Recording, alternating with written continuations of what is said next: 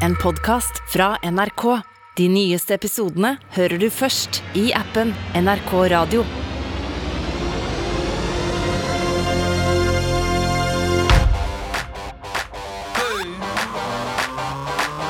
Popkorn og politikk. Med Sean Henrik Matheson og Torkil Risan. Hvor mange ganger har du snakka om USA på radio og podkaster? Sånn? Det er sjukt mange ganger. Jeg kan ikke Jeg aner ikke. 100, Det, 100 ganger. det tallet har jeg ikke funnet på ennå. Hva med Russland? Det er mange ganger. Ukraina? Det er veldig mange ganger. Kina? Ja, flere ganger. Sverige? Det- Ja, litt, men ikke Du så vil snakke mer om Sverige, det ser jeg. Ja, veldig gjerne. Men hør her, er poenget mitt. Ja. Hva med Japan? Japan? Hvorfor har vi aldri Hvorfor har du aldri Nei. snakka om Japan? Det er, altså, det er jo den tredje største økonomien i hele verden. Ja. Ingen snakker om Japan Nei, det har du på den måten. Nei, du har rett i det! Ja, det skal vi jo gjøre noe med, og jeg er veldig glad for at vi skal eh, snakke om Japan, Torkil Torkel Sand. Eh, Der kom den. Det måtte, oh. Selvfølgelig måtte komme. Eh, Det er Torkelsand eh, i, i hele Du bare dag. si Ri, da, så har du hele navnet. Torkil Risan. Torkel Risan! Ah, det Ja. tenkte jeg ikke på engang! Nei, sant. Å, fy fader. Voff over hodet mitt. Ja, men det der, det der kommer mye til å gå i dag. Ja, det er Nei, mener du det? Fader, Torkel!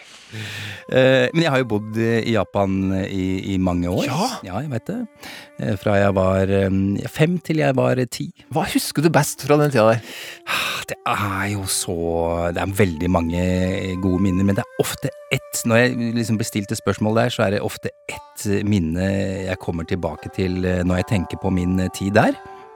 Ah, det er litt sånn deilig. Tradisjonell japansk musikk. Ja. Eh, Dette her er lyden av seks år gamle meg, Sean Henrik Matheson. Han sitter i lotusstilling eh, i kortbuksa si og knestrømper på en deilig tatami-matte. Den tradisjonelle japanske stråmatta som er hard og myk på samme tid. Rundt ham er det skyvedører av papir, mørkt tre i taket. På veggene henger det store, hvite ark med svarte japanske bokstaver malt med bred pensel, kanji. På en hel vegg er det en akvarell, dramatiske fjell, bambustrær, blomstrende kirsebærtrær, en stor bølge. Det ligger røkelse i lufta. Vann sildrer i en liten fontene av stein, et vindspill av bambus. På det lave bordet foran ham utøver lille Sean origami. Kunsten å brette papir, det er ro, det er zen. Hva i hva? Oi, så fint. Hva bretta du? Denne, for eksempel. En Frosk? Ja, du så det med en gang! Ja, ja, ja. Å, så hyggelig! Ja, det er en frosk. Er det den du bretta den gangen, eller Jeg har du var- laga mange ganger? Nei, og det er det som er så rått. Jeg gikk ned i min lille eh, boks eh, med memorabilia eh, fra min tid i Japan, og så jaggu fant jeg denne grønne frosken. Og hvis du, hvis du liksom legger den på Se nå. Ser at den hopper? Ikke veldig langt. Nei, men den hopper! Den er jo ligget der i gammel 40 padde, år. Gammel, sliten padde. Men herregud, jeg var så glad at jeg fant denne her. Koselig å se. Ja, tusen takk, eh, Torkil. Jeg gikk på skole. Amerikansk skole i Tokyo. En kul skole, vil jeg si. Bygningen var helt rund som en smultring. Så var det selvfølgelig en diger, svær amerikansk fotballbane der. Eh, Vi feiret eh, thanksgiving med parade og stort show hver eneste år. Øvde på å krype inn under pulten dersom det skulle bli jordskjelv. Ja, det er mye, mye av det på øya der. Jeg veit det. Det var en kul eh, bokhandel der med papir, penner og blyanter. Der kjøpte jeg myke viskelær som, som lukta godt. Og hvis jeg hadde mer igjen i lomma Ja, du hadde mer igjen?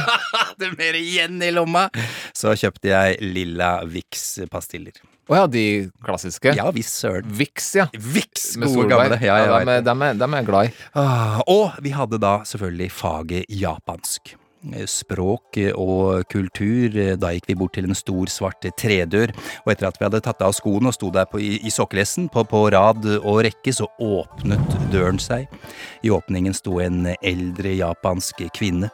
Hun bukket og sa ohayo gozaimasu. God morgen.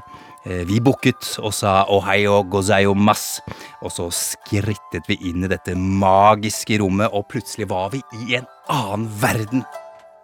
Åh, Hører- sånn. hører det? herlighet. Ja, det var helt Det var Jeg mener det. Det var magisk. Du kan det der å tegne et eh, lydbilde for oss. Ja, tusen takk. Jeg ble tatt rett inn i rommet Ja, der. jeg gjorde det så Men vet du hva? Jeg ser på den lille Sean der, så tenker jeg ja, det, det høres jo utrolig fint ut, Ja. men herlighet, du var hva du sa? Fem år? Fem år. Flytta fra hvor? Ja, fra Jessheim. Fra Jeg har vokst opp i Jessheim, ja. ja, altså G-Town. Det er jo ikke bare Eller J- 2050. J-Town. 2050, ja. Ja, herregud. Men det er jo ikke bare bare det. Det kunne ikke vært uh, bare spas, det her heller. Nei, det har du rett i. Det var, jeg, det var vanskelig. Liten gutt kommer til et veldig fremmed land. Jeg kunne jo ikke språket. Jeg skjønte lite jeg, det, det er litt vonde minner, for å si Ja. det rett ut. Det var, det, og det, nei, det, det var vanskelig. Men eh, barn, eh, vi, kom, vi klarer jo å adaptere. Eh, Vi finner ut av det. Så, så eh, når liksom det verste av det greiene der var over, så, så hadde jeg det innmari fint i Japan. Ja, men jeg, tror at du ikke er ferdig bearbeida. Eh, det er nok en grunn til å snakke om Japan, da. Ja, nei, altså, du si. trenger jo Ja. den her uh, Japan-praten Ja. som vi skal uh, gjøre i dag, rett og slett. For å bearbeide egne opplevelser. Tusen takk. Det begynner å bli noen tiår siden det her, og det, nå, det sitter i deg, ser jeg. Det Både det gode og det dårlige. Ja, det gode, men det, sånn er det jo. Man, man tar med seg opplevelser, følelser. Yin og yang, for å sitere et naboland av uh, Japan. Fader, du er god nå, Torkil. Torkelsan! Ja, Risan! Risan! Men eh, hva slags forhold har du til, til Japan? Eh, nei, jeg har, jeg har ennå ikke vært der. Har så lyst til å dra. Nei, så Hvis jeg spør meg om tre ting jeg liksom må forbinde med Japan, så blir det, det blir sånn turistgreier. det blir sånn Pokémon, Ja, judo, ja, Okay. sushi. Det er liksom det første som ramler i meg, da. Men, og det er jo utrolig fra toppen av Jo, jo, eh, er hylla, liksom. Sushi, artig du sier det. Hvor, hvor lenge tror du japanerne har spist uh, sushi? Det spørsmålet der. Ja. Altså, jeg er sånn, Svaret sånn er bare 19 år, faktisk. Det er noe sånn der. Ja, men- Så jeg sier ok, jeg sier 39 år. 39 For å være helt Det er sikkert 1000, men jeg sier 39 Nei, år. men det, det, er- det ikke Du skjønner, du er på riktig side Yes! her. 150 år. Det er ikke mer enn det, liksom. Nei, ikke sant. 1850 så var det en uh, smarting som fant ut at han skulle lage street food. Kjappe, Kjappe, små retter. Så han bare ja, fader, hva om vi har den der fine risen som vi har kokt i eddik, som gjør at den smaker godt. Legger på en liten skive med fisk oppå der. Mukker ut til eh, de som går rundt og, og trenger en liten I. Osaka Town. Eh, Jeg husker ikke om det var Jeg lurer på om det var Tokyo. Men jeg er Det ikke var helt sikkert sikker. Tokyo det jeg kan- 1870, ja, cirka. det, Mm. det jeg kan si er at det var under Edo-perioden. Ja, men det, det Når du har vært på Google, så kommer du tilbake med farlig kunnskap. Jeg vet det. Du er så giftig utstyrt nå. Der hører at Google, du Har brukt Google her, altså! Hele uka. Herlighet. Men ok, nei, vi, du kan mye, eh, åpenbart. Du har vært på Google og lært deg ting, men vi må få inn en ekte ekspert. En som eh, kan forklare oss litt bedre om eh, ting som jeg lurer på. da eh, Hva, hva pønsker Japan på eh, nå? Eh, som krigen herjer i Europa, USA, Kina krangler hele tida. Hører ikke noe om Japan. La oss hente Ren Jenny Lindgren. Helt riktig, Torkil, men da er det bare én ting vi kan gjøre. ja, Faktisk. Jeg er enig med deg. er enig! Ja, det er det vi kan gjøre, da? Få litt tysk Japan-musikk, ja. Big in Japan, alfabet!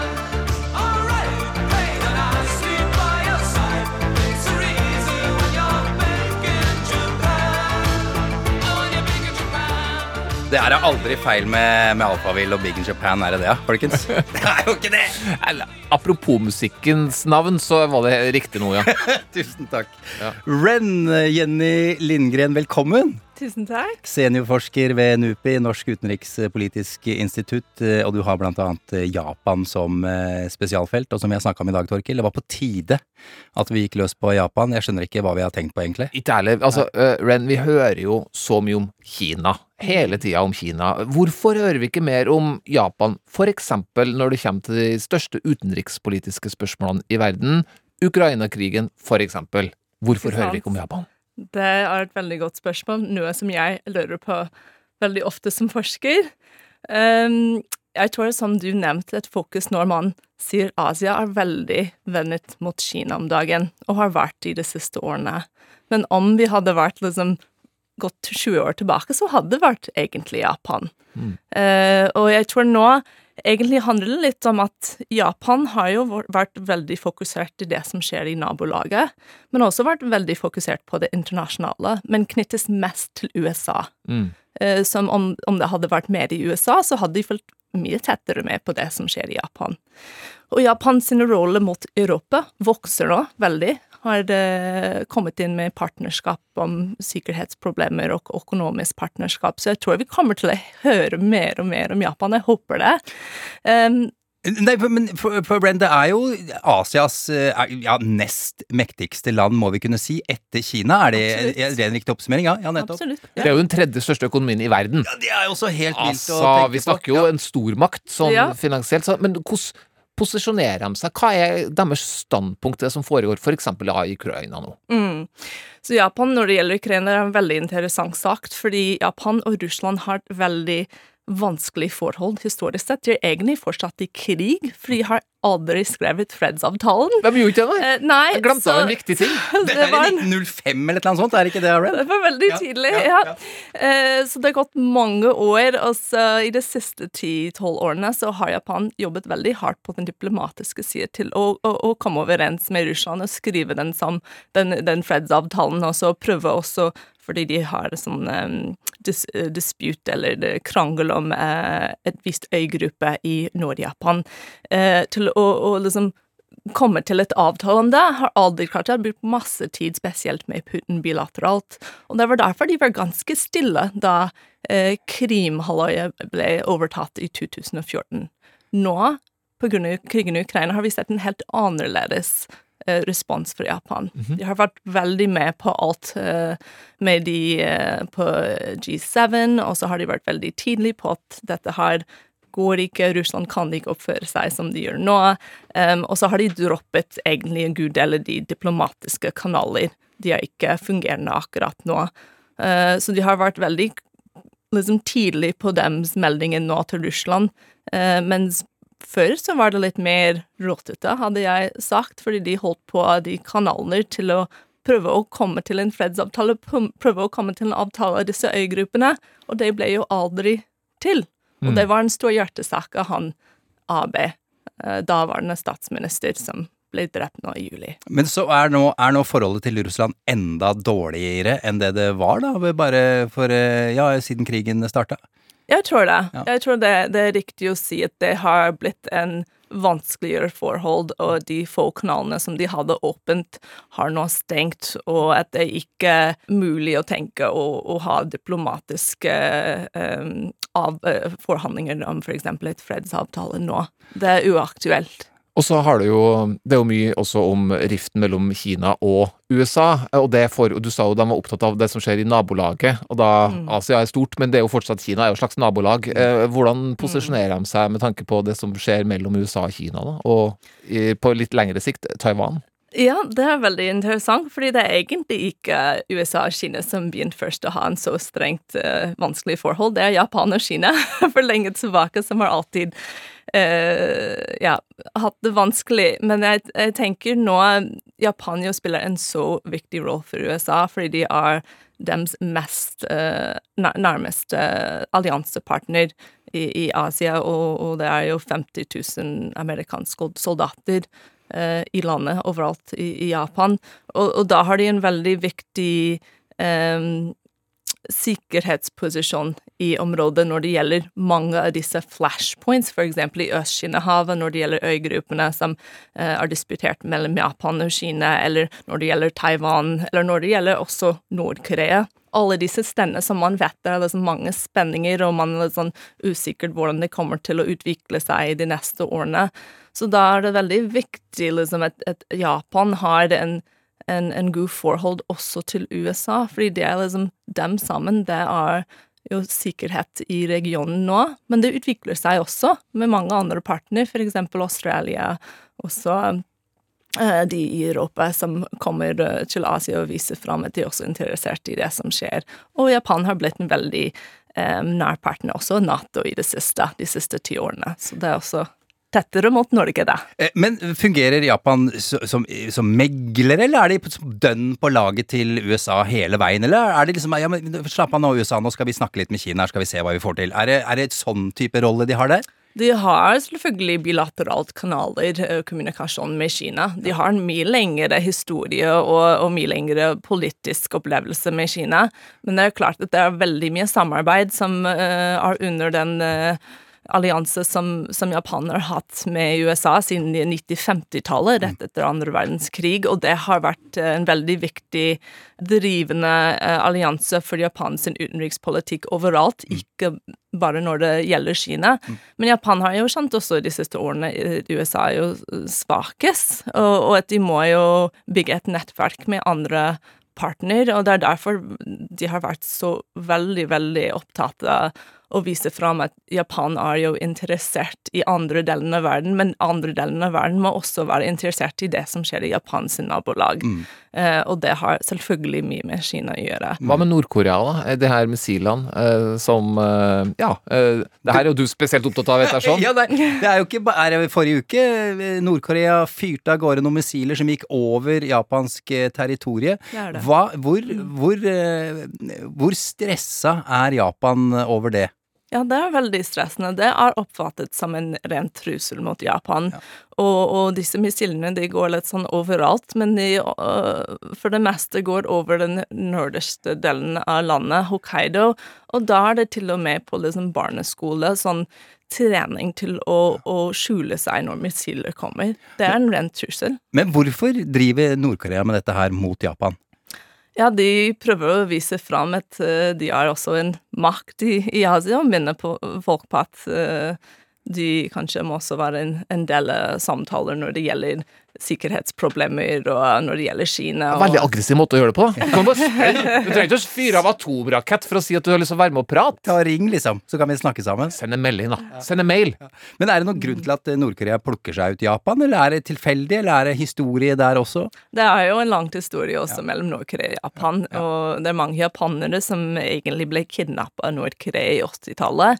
Eh, Den heter Rachi Monday i Japan, og det er en av de mest drivende saker mellom Nord-Korea og Japan. Og, og sånn det er med Japans utenrikspolitikk, at de samler mange temaer samtidig, og, og har en utenriksposisjon. Og når det gjelder Nord-Korea, er det selvfølgelig den, den temaet som driver uh, er veldig emosjonelt for de fleste japanere, um, og, og det er det som driver deres politikk mot Nord-Korea. Så den biten om atomvåpen og sånn, det er jo viktig, men det er blandet også i den Rachimondai-delen, og da blir den en ganske komplisert eh, utgangspunkt. Det, det skjer mye ting i nabolaget til Japan, og um, veldig ryddig å få, få på plass litt sånn hvordan det står i storpolitikken. Ja, Takk for det. Ja. Jeg er jo litt nysgjerrig på hva som foregår innafor landets grenser også. Man vet jo ikke så mye Ja. hva som foregår. Hva, altså her, her i Norge, hva er det vi snakker om? Vi snakker om strøm. Ja. Vi snakker om boligpriser og sånne ting. Hva snakker, hva snakker folk om i Japan? Hva, hva er interne saker er det de er opptatt av der nå? Eh, Det er litt morsomt at du nevner matvarepriser, fordi jeg tenker det er også noe som er ofte noe som eh, kommer i det mediet i, i Japan nå, og de opplever at skatten økes i det siste, men kanskje ikke lønn og andre ting. Så den økonomiske delen, fordi Japan har jo hatt en veldig krevende økonomisk situasjon nå i, i mange tiår, liksom over ti, to tiårene Hvorfor det? periode. Nei, det har vært pga. grunn av den krisen også i Asia i 1997, men også hvordan de har prøvd å regulere den japanske arbeidsmarked og, og inflasjon og alt det der, og det er noe som politikerne har prøvd å ta litt grep i, men det tar tid, altså. Så Abinomics, som var jo veldig kjent som den mest engasjerte politikken når det gjelder økonomi i Japan, det er noe som kommer til å ta jeg tror, flere år til at vi ser sånne resultater. Og, og nå er det folk, og det er mange som egentlig sliter i Japan, selv om det er et veldig rikt land. Um, det er også folk som opplever at det er vanskelig i den hverdagen til å kjøpe det som de trenger, og få den hjelp som de trenger, og få den støtte, og få barnetrygd, for eksempel.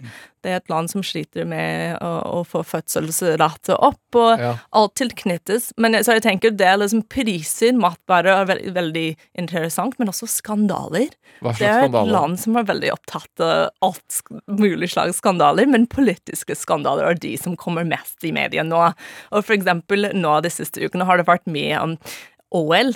Og de skandalene som kommer etter OL, Mm. hvordan folk har liksom prøvd å, uh, å få at Japan skulle fått OL i- tidligere, eller liksom betalt noen andre til å få noe til det. sånn. korrupsjon. Ja. Ofte har ikke så mye med liksom, mengde av penger ikke så viktig, men at folk prøver å gjøre det, det er jo veldig engasjerende for de japanere. De vil vite litt mer om historiene. Og nå er det selvfølgelig også en veldig stor sak når det gjelder eh, religiøs bevegelse i Japan, Ja. og hvordan det påvirker den politiske delen. Ja, fordi da kommer vi jo fort over på Og dette vet jeg for lite om, men Shinzo Abe, som eh, ble rett og slett eh, drept. Det Tidligere statsminister Ja. eh, var en lengst sittende, har sittet i to perioder, men, men ja, han ble drept i sommer. Og knytta opp mot det der, som du nevnte, da, det der kirkesamfunnet. Mm. Moon-bevegelsen. Ja, den, den heter på engelsk The United Church. Og kanskje vi starter med Abe, som var jo Japans lengste sittende statsminister. Historisk også veldig tilknyttet til uh, den politiske delen av samfunnet i Japan, fordi han var jo vokst opp i det politiske. Faren og bestefaren var også eh, statsminister, faren var eh, minister.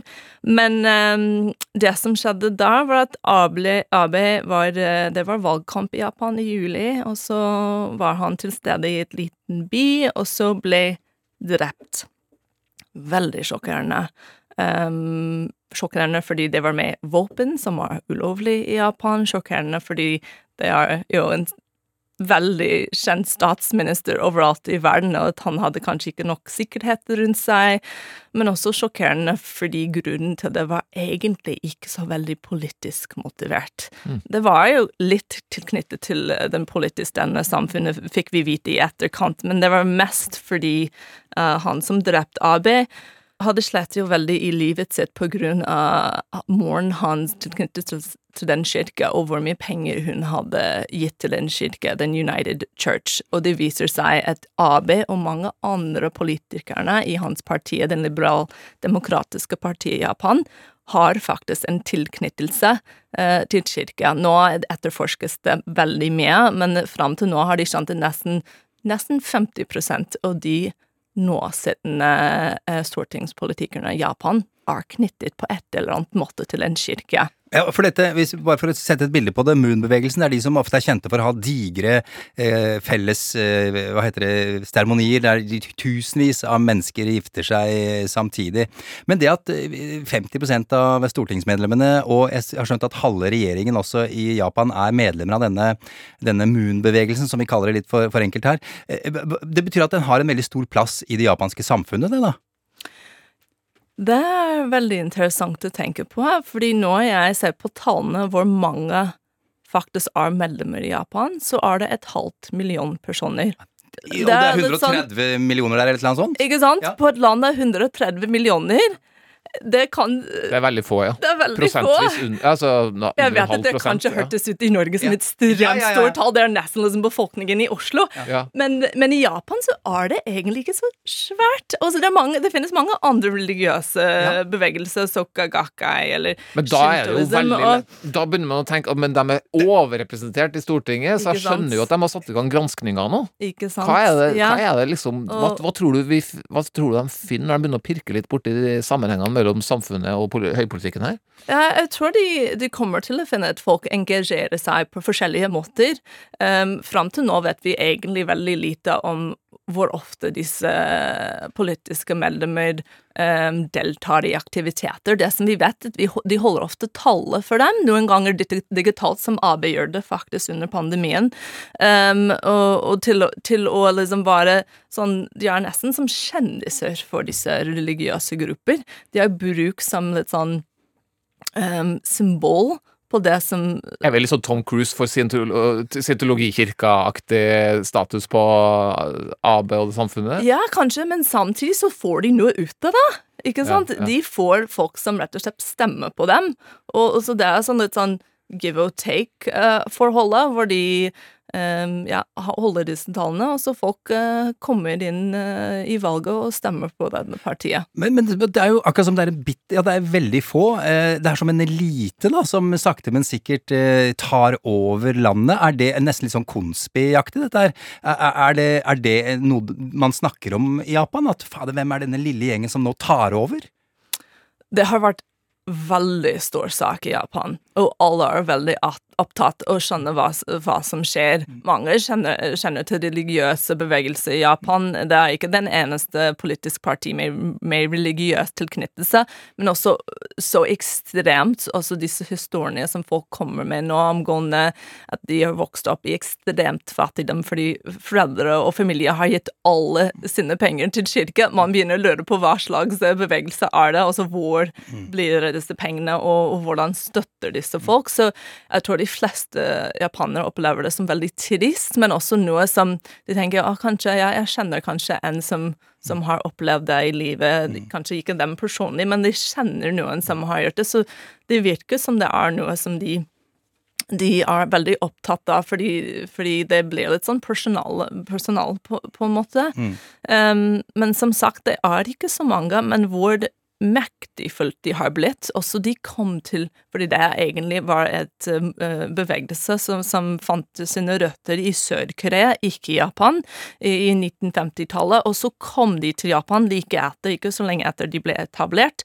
Og så da var det statsminister Kishi, som var bestefar til Abe, som var som var den som førte til at den kom til Japan. Så da var det allerede i den politiske knyttelse fra 50-tallet. Og da begynner man å lure på hvordan det har gått de fem, siste 50 årene. Hvordan det har utviklet seg, eller har det alltid vært så integrert i den politisk delende samfunnet? Så det er de store spørsmålene nå, og, og Kishida, den nåværende statsminister, han har lovet at de skal etterforske dette her på en god og riktig måte, men det får vi se. Det blir veldig spennende å, å følge. Eh, Du nevnte jo Shinzo Abe og eh, pandemien, og da, da er det jo veldig fristende å, å spille av en, en låt som du, du nevnte at eh, har noe med det her å gjøre. Hva, Vi skal få høre litt snutt av her nå, Ren. Ja, Hva er det er det en låt til en som heter Gen Hoshino, som er en kjent japansk sanger, veldig populær blant de yngre i Japan, men også nå mer og mer populær blant alle, alle, tror jeg. Og, og den heter Uchi de Odoro, som betyr danse inne.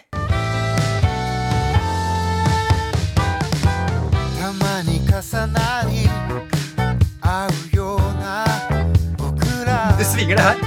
Ja, ja, det svinger som pokker.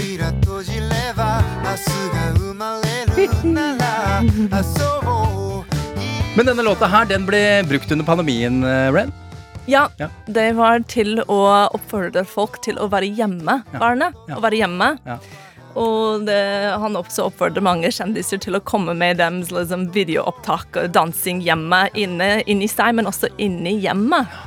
Og så en av de som kom med sin versjon, var jo statsminister Abe. Ja, ikke sant? Eh, når det kommer til det med mm, japanere og det å være eh, hjem, Ren, så, så, så må jeg spørre om et eh, fenomen som jeg kjenner til, som i hvert fall har sitt opphav, tror jeg. Det er et japansk ord, i hvert fall. Hikikomori. Kan du bare forklare hva det er for noe, for folk som ikke vet hva det handler om? For det handler mye om å være hjemme, i hvert fall. Det kan jo være mm. Hva er hikikomori? Ja. Um, det er vanskelig på en måte å forklare, men om jeg hadde gjort det veldig enkelt, så er de folk som for det meste føler seg litt utestengt av samfunnet, um, og holder seg hjemme. Ikke bare hjemme, men i sitt eget rom, og kommer seg ikke ofte ut til rommet sitt, og blir liksom levende i rommet. Um, og det kan være folk som for eksempel har ehm, ikke klart seg på videregående, og så da er det liksom en vektig, veldig viktig liksom kryssepunkt over til den arbeidslivet å klare seg på videregående, for eksempel om de har ikke klart seg. Eller det kan være folk som sliter med det sosiale biten av den japanske samfunn, som kan være veldig streng, og det er en veldig eh, det er stor hierarki i det japanske samfunnet som kan være vanskelig for folk til å liksom finne sine plass i. Um, de fleste, jeg hadde sagt at de fleste er jo yngre, men det er at befolkningen som har bi- det har vokst seg. Um, og så nå har de kommet også med tiltak til å prøve å, å gi hjelp til disse, disse folk, men eh, det er vanskelig å komme inn og gi hjelp til en som vil ikke ut av rommet sitt. Men det er jo en del av den myten eh, Jeg vet ikke om det er en myte heller, eh, det finnes jo tross alt et eget ord for det til en viss grad. Men det med at ja, Japan, japaneren kan liksom stenge seg inne, være ensom, finner ikke noe kone kanskje, og sånne type ting. Er det reelt, eller er det noe vi bare tror fordi vi har hørt om det? Hvis du skjønner hva jeg mener? Ja, jeg tror det er mange samfunnsproblemer som uh, gjør det sånn at man kan føle seg ganske alene i Japan. ja. Og, og det er jo et samfunn hvor fokus er veldig konsentrert mot arbeidsplass, også hjemmebanen. Og om du sliter på en eller en eller begge deler, så kommer du til å, å slite generelt. Og jeg tror det er det som skjer med mange av disse her. De finner ikke riktig sted når det gjelder studiene, eller, eller når det gjelder på hjemmebane, eller når det gjelder i arbeidsplassen. Og så tenker de seg at det er best å bare være alene. Eller jeg vet ikke om de tenker det er best, men det er det som de prøver å gjøre til å overleve. Men, er det et samfunnsproblem? Er vi, er vi helt der oppe? Eh, Det, det som er litt vanskelig, det finnes ikke så mange tall, tror jeg, for hikikomori, så det var så vanskelig å gradere hvor stort problem det er. Men det er eh, noe som vi hører om også i den japanske media, mm. og, og noe som jeg tror det er av stor interesse, spesielt på utlandet. Men som, som jeg har nevnt uh, opptil flere ganger, eh, så har jeg bodd i Japan eh, selv i, i barndommen, og, og fattern han jobba i et eh, norsk-japansk skipsmeglerfirma. Eh, og jeg husker, jeg husker liksom, og det, han har jobba med japanere hele livet, eh, at, at han var veldig opptatt av at det var viktig for folk å ikke miste ansikt, ikke sant, og ære og alt det der. Jeg vet ikke om det har noe med, med det at de holder seg på rommet sitt å gjøre, men, men, men er det også en, en stadig vekk en veldig sånn stor del av den japanske kulturen, og ja, å ikke miste ansikt? Det har en del av den japanske kultur. Um, og når det gjelder hik hikikomori, så kan det ha noe med det å gjøre. For eksempel om det er foreldre som syns det er litt sånn ubehagelig å fortelle andre at de har et barn som har blitt hikikomori, for eksempel. Det skal jo mest sannsynligvis skjules, for det går ikke over bare denne familien, men hele familien. Og, og det er det som når man gjør noe som eh, man burde egentlig ikke gjøre i den japanske samfunnet, så går det ikke bare over den individuelle biten, men den går over den kollektiven. Og, og det er det som gjør at det er så viktig å, å passe på å ikke miste ansiktet, Også å passe på det som du gjør. Du tenker, du tenker ikke på, bare på deg sjøl, men hvordan det påvirker andre. En sånn litt spennende eksempel, tenker jeg, for eksempel når du er student på universitetet og kanskje tar en tur ut på en bar, drikker litt for mye, blir for full, og så kanskje blir litt voldelig og knuser noe på gata eller noe. De ringer først og fremst skolen din, universiteten din, ikke nødvendigvis foreldrene dine. Og da har du tapt ansikt. Da har du tapt. Eh, ikke for deg sjøl bare, men for mange andre òg. Så det er litt sånn måten å tenke hvordan du skal forholde deg til det som du gjør som det liksom individuelt, og hvordan det påvirker andre, er jo en veldig viktig del av den japanske samfunnet. Jeg tenkte også å spørre om, eh, med, med samme vi var inn på det her med eh, stereotyper og rundt uh, japaneren, og kanskje fordommer. Vet ikke, det her kan du få klare opp i. Det, det blir jo sagt at det er et rasistisk land. Eh, hva kan du si om, om sannheten i det? Um, det er et veldig uh, vanskelig tema, syns jeg. Uh, Japan er jo en veldig homogent land, og de har hatt vansker med uh, å for eksempel ta imot flyktninger, og det er helt motsatt av Norge, hadde jeg beskrevet det som. Flyktninger, men også folk som skal arbeide, fordi den japanske befolkningen er på vei ned, ikke sant, så da trenger de arbeidskraft fra andre deler av verden, og nå kommer det ofte fra Sørøst-Asia. Og disse folk som flytter til Japan, gir sitt liv til å arbeide i Japan, de får bare sånn korttidsvisum, og så er de sendt tilbake. Og det er fordi Japan vil prøve å holde Japan, jeg tror de fleste japanere vil prøve å holde Japan så japansk som mulig. Uh, og og de opplever at det kan være vanskelig noen ganger å, å, å motta utenlendinger som uh, skjønner ikke den japanske kulturen, fordi det er jo en veldig komplisert kultur. Det er ikke lett å komme inn på språkmessig og så uh, kodemessig, og det er veldig mye der. Um, så jeg tror det er noe som Japan kommer til å streve med i mange år. Jeg håper virkelig at de skjønner hvor verdifullt det er å ha en uh, mangefullt samfunn. Uh, Ren, uh, tusen takk for eh, Nå har vi da endelig, Torkil, nå har vi fått eh, Nå har vi lært. Jeg føler virkelig at jeg har blitt eh, opplyst eh, om eh, hva som foregår eh, både hos japaneren og rundt landet i nabolaget. Så takk for det. Det var deilig, det trengte vi. Mm. Mm, tusen takk, Bren. Bare hyggelig. Takk for invitasjonen.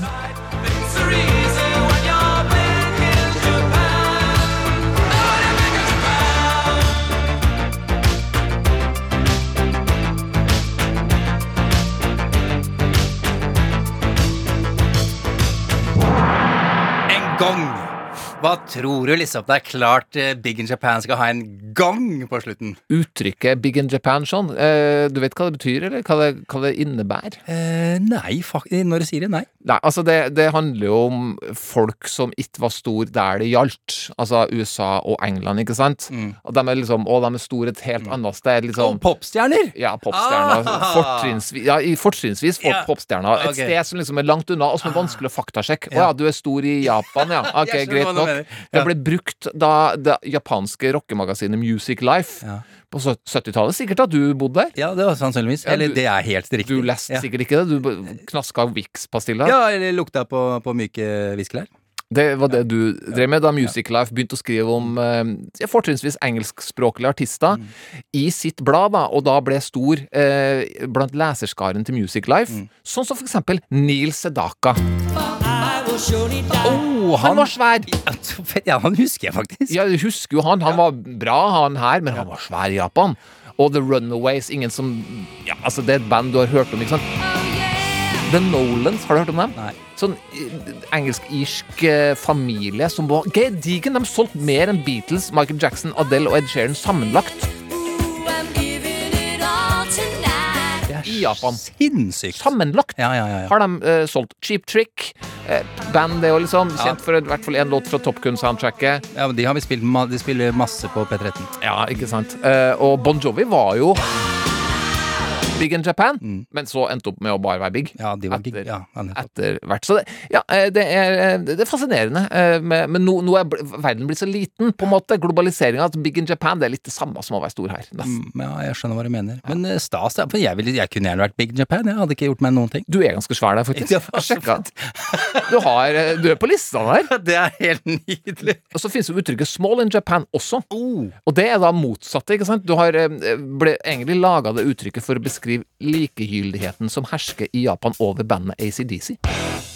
I alle dager. De bryr seg jo ikke noe om ACDC der, så de er small in Japan. Det er helt Dette var veldig gøy. interessant. Ja, det var veldig gøy. Ja. Men du, jeg vet jo at du er opptatt av de her eh, japanske gameshowene, eh, Sean. Helt riktig. Av og til så, så havner jeg nedi hølet. Ja. Som sagt, eh, det jeg jo fascineres dypt av, det er jo denne at de skal ydmyke hverandre og tulle maksimalt. Det er så, det er så ondskapsfullt, det som foregår i japanske gameshows. Ja, eh, det, det var jo enda større tradisjon for det for noen år tilbake. De har p- potensielt blitt litt bedre, men jeg har plukka ut tre eksempler på det du beskriver. Altså litt mer det jeg kaller eh, ikke helt politisk korrekt, og litt ondskapsfulle gameshows. Og da kan vi starte med det som heter Be cute or get pie. Så vær søt eller få pai. Eh, det er basically et konsept hvor menn vekker kvinner, og eh, premisset er at kvinner skal se søte ut til enhver tid.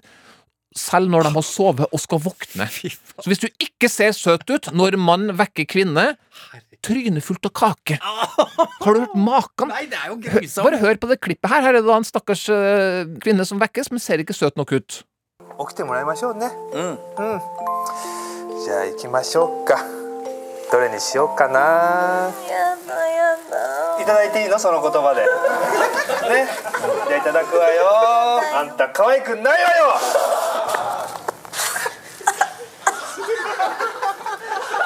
ジェシカ Du hører at til og med publikummet flirer litt anstrengt der. Hun spytter ut kaka, liksom. Gud, Det men, men er dette hjemme hos noen, eller sover de i et studio, eller et slags studio, ja. Ah. Så der har du Be Cute or Get Pie. Og så har du en, en, Den her er infamøs. Uh, Susunu den personen Ja, bra. eh, heter det. Uh, og det, det kom i 1998, uh, og det har uh, hatt noen sesonger. Det mest eh, kjente sesongen er den første. Um, en deltaker, litt sånn strebende komiker, eh, som, eh, som fikk vite at den skulle være med i et eksperiment. Skulle filmes. Mm. Det var det han fikk vite Okay. deltar naken i en leilighet, da. Eh, Så altså, han var naken i en leilighet, hadde ingenting. Du skal skaffe deg absolutt alt du kan få av mat og klær gjennom konkurranser i sånne magasiner. Du, vet, du klipper ut, og så sender inn, og så kan du få noe helt random greier.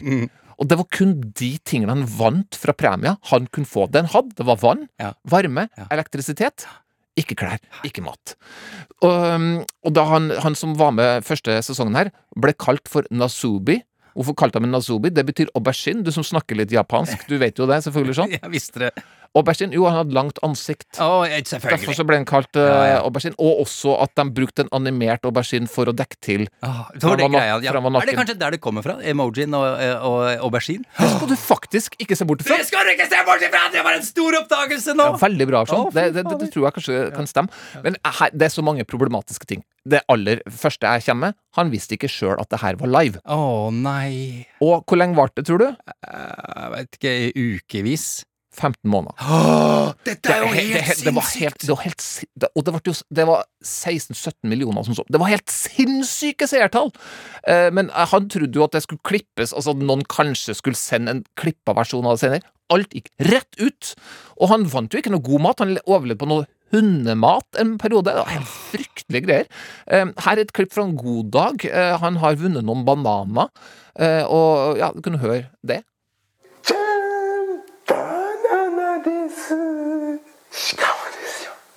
箱いっぱいこんなにいっぱいバナナがバナナがねバナナって言ったらこれしかしこの時ナスビの Og 身に alltid den 大 derre 変なことが起きていた fortellerstemmen som liksom ligger liksom, Alt han gjør, tror han at det er bare han sjøl som ser, ikke sant? Og så har det jo gått et, ca. et år, da, så trodde han at han var ferdig, at han, hadde, at han skulle liksom samle seg en sum tilsvarende ca. 100 000 kroner. Det var målet. Da skulle han være ferdig. Ja. Gått ca. et år. Trodde, var du ferdig? Nei da, han ble frakta for én dag i fornøyelsespark i Sør-Korea. Det var liksom premien. Og så var jeg av med klærne! Tilbake igjen! Og du må tjene dine egne penger for å ta flybilletten tilbake til Japan. Det var helt tortur. Eh, Truman Show. Dette er jo Truman Show på ekte, denne filmen. For den må jo være 20 år gammel nå, med, med Jim Carrey i hovedrollen, der han bor inne i en dome og vi ikke vet at han lever i en boble, liksom. Ja.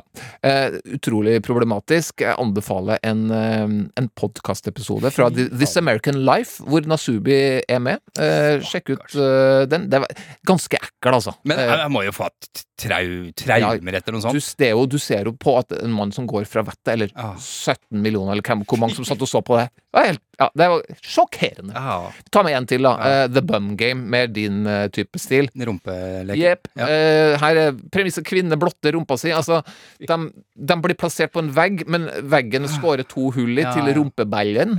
Og der er det da mannlige deltakere som har lov å gjøre hva de vil med den rumpa. Mye klåing og kyssing, viser det seg. Og det er ingenting som hindrer dem for å bare Nei. stå og grefse løs. Eh, noen gang så var det en mannerumpe, og da går publikum amok av latter. Vi kan jo høre på det. こ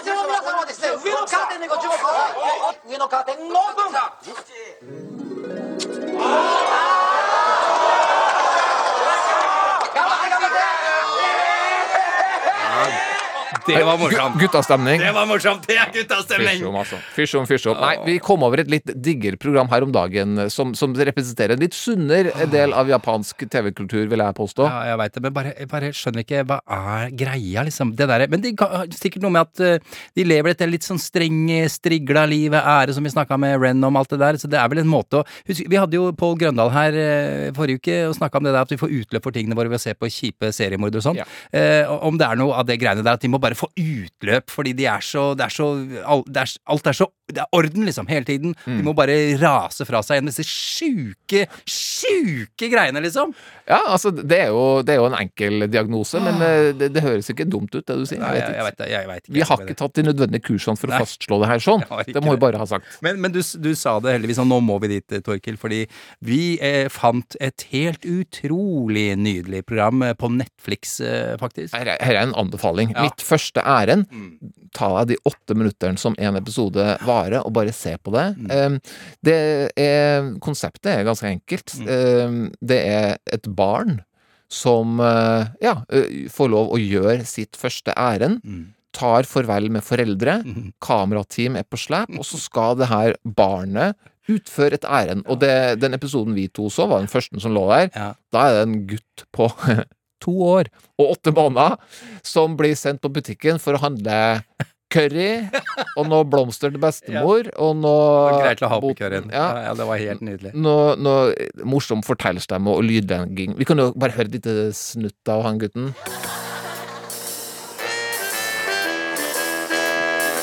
よーし回線つながった 買いに来たんだお使いだ走ったピヨピヨピヨって靴の音が激しくなったり弱くなったり お花どこにありますか？すごい。おー花どこにありますか？喋った。仏様のお水をいつも変えてくれるんですって。Koselig. Så nydelig, han. den lyden der, skvikelyden, det er jo skoene til barnet. Så jeg tror det er litt sånn som å ha bjelle på katta, liksom. Du skal bare vite hvor katta er. Liksom. Uansett ja, ja, ja. hvor han går. veldig fin liten scene hvor han, mora kysser en ha og han vinker liksom til mammaen sin. Bitte liten, altså. Under tre år gammel. Over en vei med masse biler. Jeg skjønner og... ingenting av det. Altså, jeg har jo Vi har en butikk 100 meter opp i gata. Jeg syns ikke det er noe gøy å sette åtteåringen opp dit, jeg. Men vi er jo skada òg, da. Altså, eh, vi ja, altså, ungene våre, de er godt beskytta Ja. Uh, her i landet. ja. Og hilsen helikopterpappa. ja, men, er, men ja, under tre år, det er store motorveier, eh, går langt og lenge, og helt på egen hånd. Det Ja. Altså, det er jo et kamerateam der, da. Ja, ja, så, ja, så, så ja. det er jo ikke sånn at han plutselig blir kidnappa eller noe sånt. Men nei, altså, det, det her handler jo litt om forskjellen i kultur, tror jeg. Altså at i, og det her er jo et veldig sånn populært, litt sånn Norge Rundt-aktig status i Japan, har vært det i mange tiår. Eh, som, som viser frem litt den trygge landsbygda da, i, i Japan, målt mot storbyene. Mm. Og så er det jo handler om den der tankegangen om at i, i Japan så oppdrar du jo ungene for å ta del i et mer sånn kollektivistisk Mm. samfunn. Du skal bidra. Altså det, det er en ære. Det, altså Du oppdrar barn som skal bidra til et, sam, et større. Mm. Mens i Norge så er det litt mer sånn nå skal du bli deg sjøl, du skal finne Du skal være individualist, da. Ja, ja, Så, så det, det, representerer noen forskjeller som Ja. gjør at vi syns det er mer fascinerende. ja, er her i, opplagt. eh, Jeg skjønner. det er hyggelig. Ta så Sjekk det ut. Eh, mitt første ærend. Um, og så har jeg lyst til å ta en eh, Vi har snakka litt om gameshow, uh, Sean. Mm. Jeg har prøvd å morfe gameshow sammen med en annen særegenhet eh, når det kommer til Japan. Ja. Vi har snakka om hikikomori og litt sånn andre klassiske japanske ord som har noe, en spesifikk betydning. Ja. Men det er det der om at japanerne har sånne uoversettelige ord Jeg vet det. som vi vi bare Å, så fint! Det er så Å, så Det er så fint poetisk. Ja, så poetisk. Ok. Her har jeg utstyrt deg med to knapper. Ja. Den ene knappen, Ja. kan du vise meg den? Det er piss-knappen.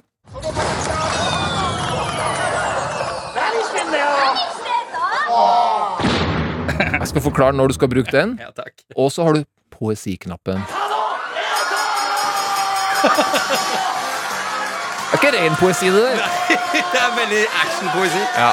Den ene sier noe om suksess, den andre sier noe om eh, failure. Ja. Eh, og her, her er greia at jeg skal gi deg fem sånne klassiske, uoversettelige japanske ord, Ja. og så skal du bare sånn Det her var nydelig, Ja. eller det her sa meg ikke noe. Er greit. Er du klar? Er klar. Første ordet er shinrin-yoku.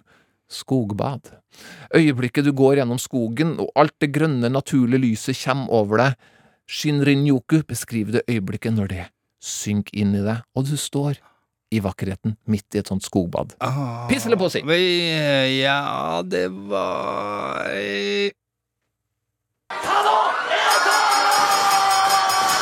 Posi Jeg var litt i tvil der. Jeg må innrømme det. Du sier gå for at det er poesi. Ja, ja, jeg går for at det er poesi, fordi det var sånn der Å, gud, ja, du står i skauen, liksom. Jeg er litt i skauen, men, men fader, du sa det på en eller annen måte. Når du synker inn i det synker Ja, jeg! Det var det, det, var det jeg likte veldig godt. Ja, Ja, for det er jo det, det skjer jo av og til, og det er litt poetisk. Ja, det er mange som har pigga den ut mot sånne ord, men du tydeligvis Jeg foreløpig ikke. Ok, neste ord. Ja. Wabi-sabi. Mm. Sier noe om at skjønnhet ligger i naturens uperfekthet. Den rynka hos kona du liker, eller den skeive fortanna mi, for eksempel. Ja, ja, den Er det wabi-sabi? Ja, ja, wabi-sabi. Ja da! Poesi! Det er poesi! Jo, men det er jo det uperfekte Du har bodd i, du har bodd i Japan, altså. Jeg har inne. Sorry, jeg har inne. Det var vanskelig. Det er poesi. Ja, wabi-sabi. Jeg er helt enig med deg. Ok, ok. Det er et ord som jeg vet ikke, Tsundoku. Det er da Ja, det opp, det kan jeg. Du kan det ordet. Kan det ordet. Det er sånn opphopning av Ja. bøker som eh, du har tenkt å lese, men som bare blir liggende der. Du, er jo, du digger jo alt! Er nok en seier til det japanske språk. Jeg kan ikke bare det, Jeg syns det er så fint, for jeg ser jo på den haugen av bøker jeg har på, på eh, eh, nattbordet mitt hver dag, og bare ah, sukker, liksom. Jeg syns det er vakkert. Sudoku. Det høres ut som sudoku, men det må ikke, ikke blandes noen Nei. gang. Ok, neste ord er nå for deg, vet du. Ja. Shibui. Oi. Noen som har eldes med stil og blitt kulere med alderen. Piss eller poesi? Kødder ikke. Piss? Ja, det er piss. Du, prøv å gå på Twitter. Eh, de kaller deg for Shibui Shaun der. Og, ja, det er, da liker jeg det med en gang. Du har eldes sånn, sånn vanvittig med stil! Ja, men det er liksom så vanlig. Det var ikke noe poetisk. Det Det, det er jo Sexy helt gråstenke ved ørene her. Tusen takk, men det var, helt van det var for vanlig for meg. Ok. Det gre- var ikke noe ekstraordinært. Ikke noe poesi der. Nei. Nei, det- det er helt riktig. Da har du brukt Ja. Da har du forstått reglene. Ja, takk skal du ha. Siste. Kuchisabishi. Mm. Du har ikke hørt om det før? Nei. Munnen er ensom, det vil si når du bare spiser for ikke Du har ikke noe annet å gjøre, du spiser litt av kjedsomhet. Er det piss, eller er det poesi? Åh, Gud, det var vanskelig. Piss, Piss, ja.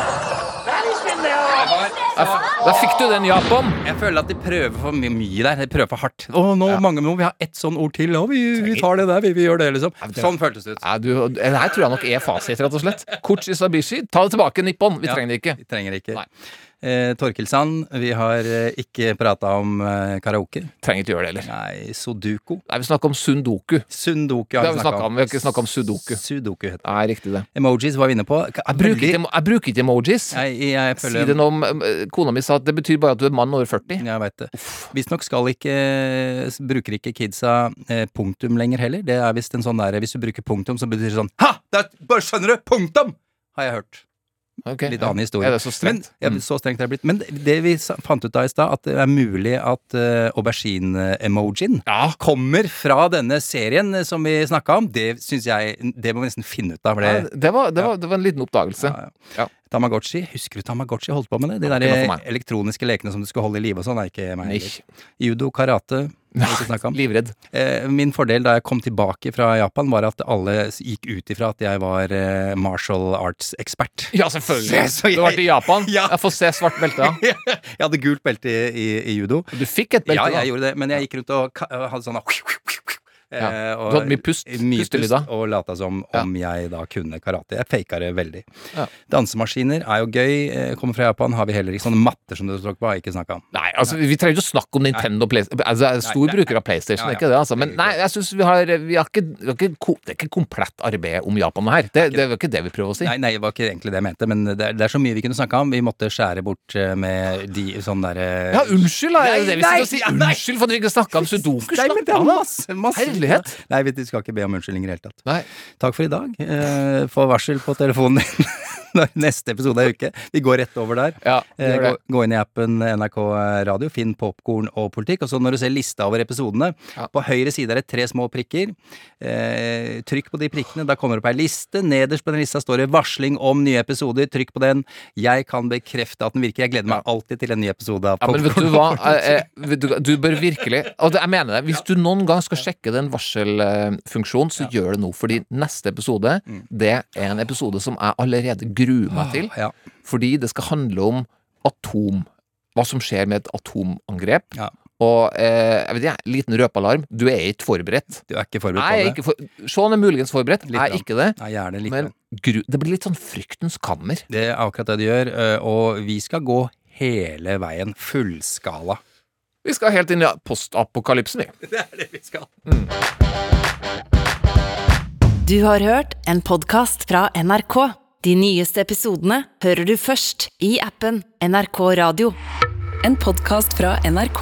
If we don't clean up these elections, we should be saying goodbye to the country. Hva har skjedd med det amerikanske demokratiet? The election obviously was not stolen. Climate change is real. We can't even agree on the facts anymore. Bli med meg, Tove Bjørgaas. Og meg, Camilla Bergland, ut på tur nå rett før mellomvalget. There's a lot of murders, shootings, drugs. Møt amerikanerne som står midt i stormen. Den amerikanske stormen hører du først i appen NRK Radio.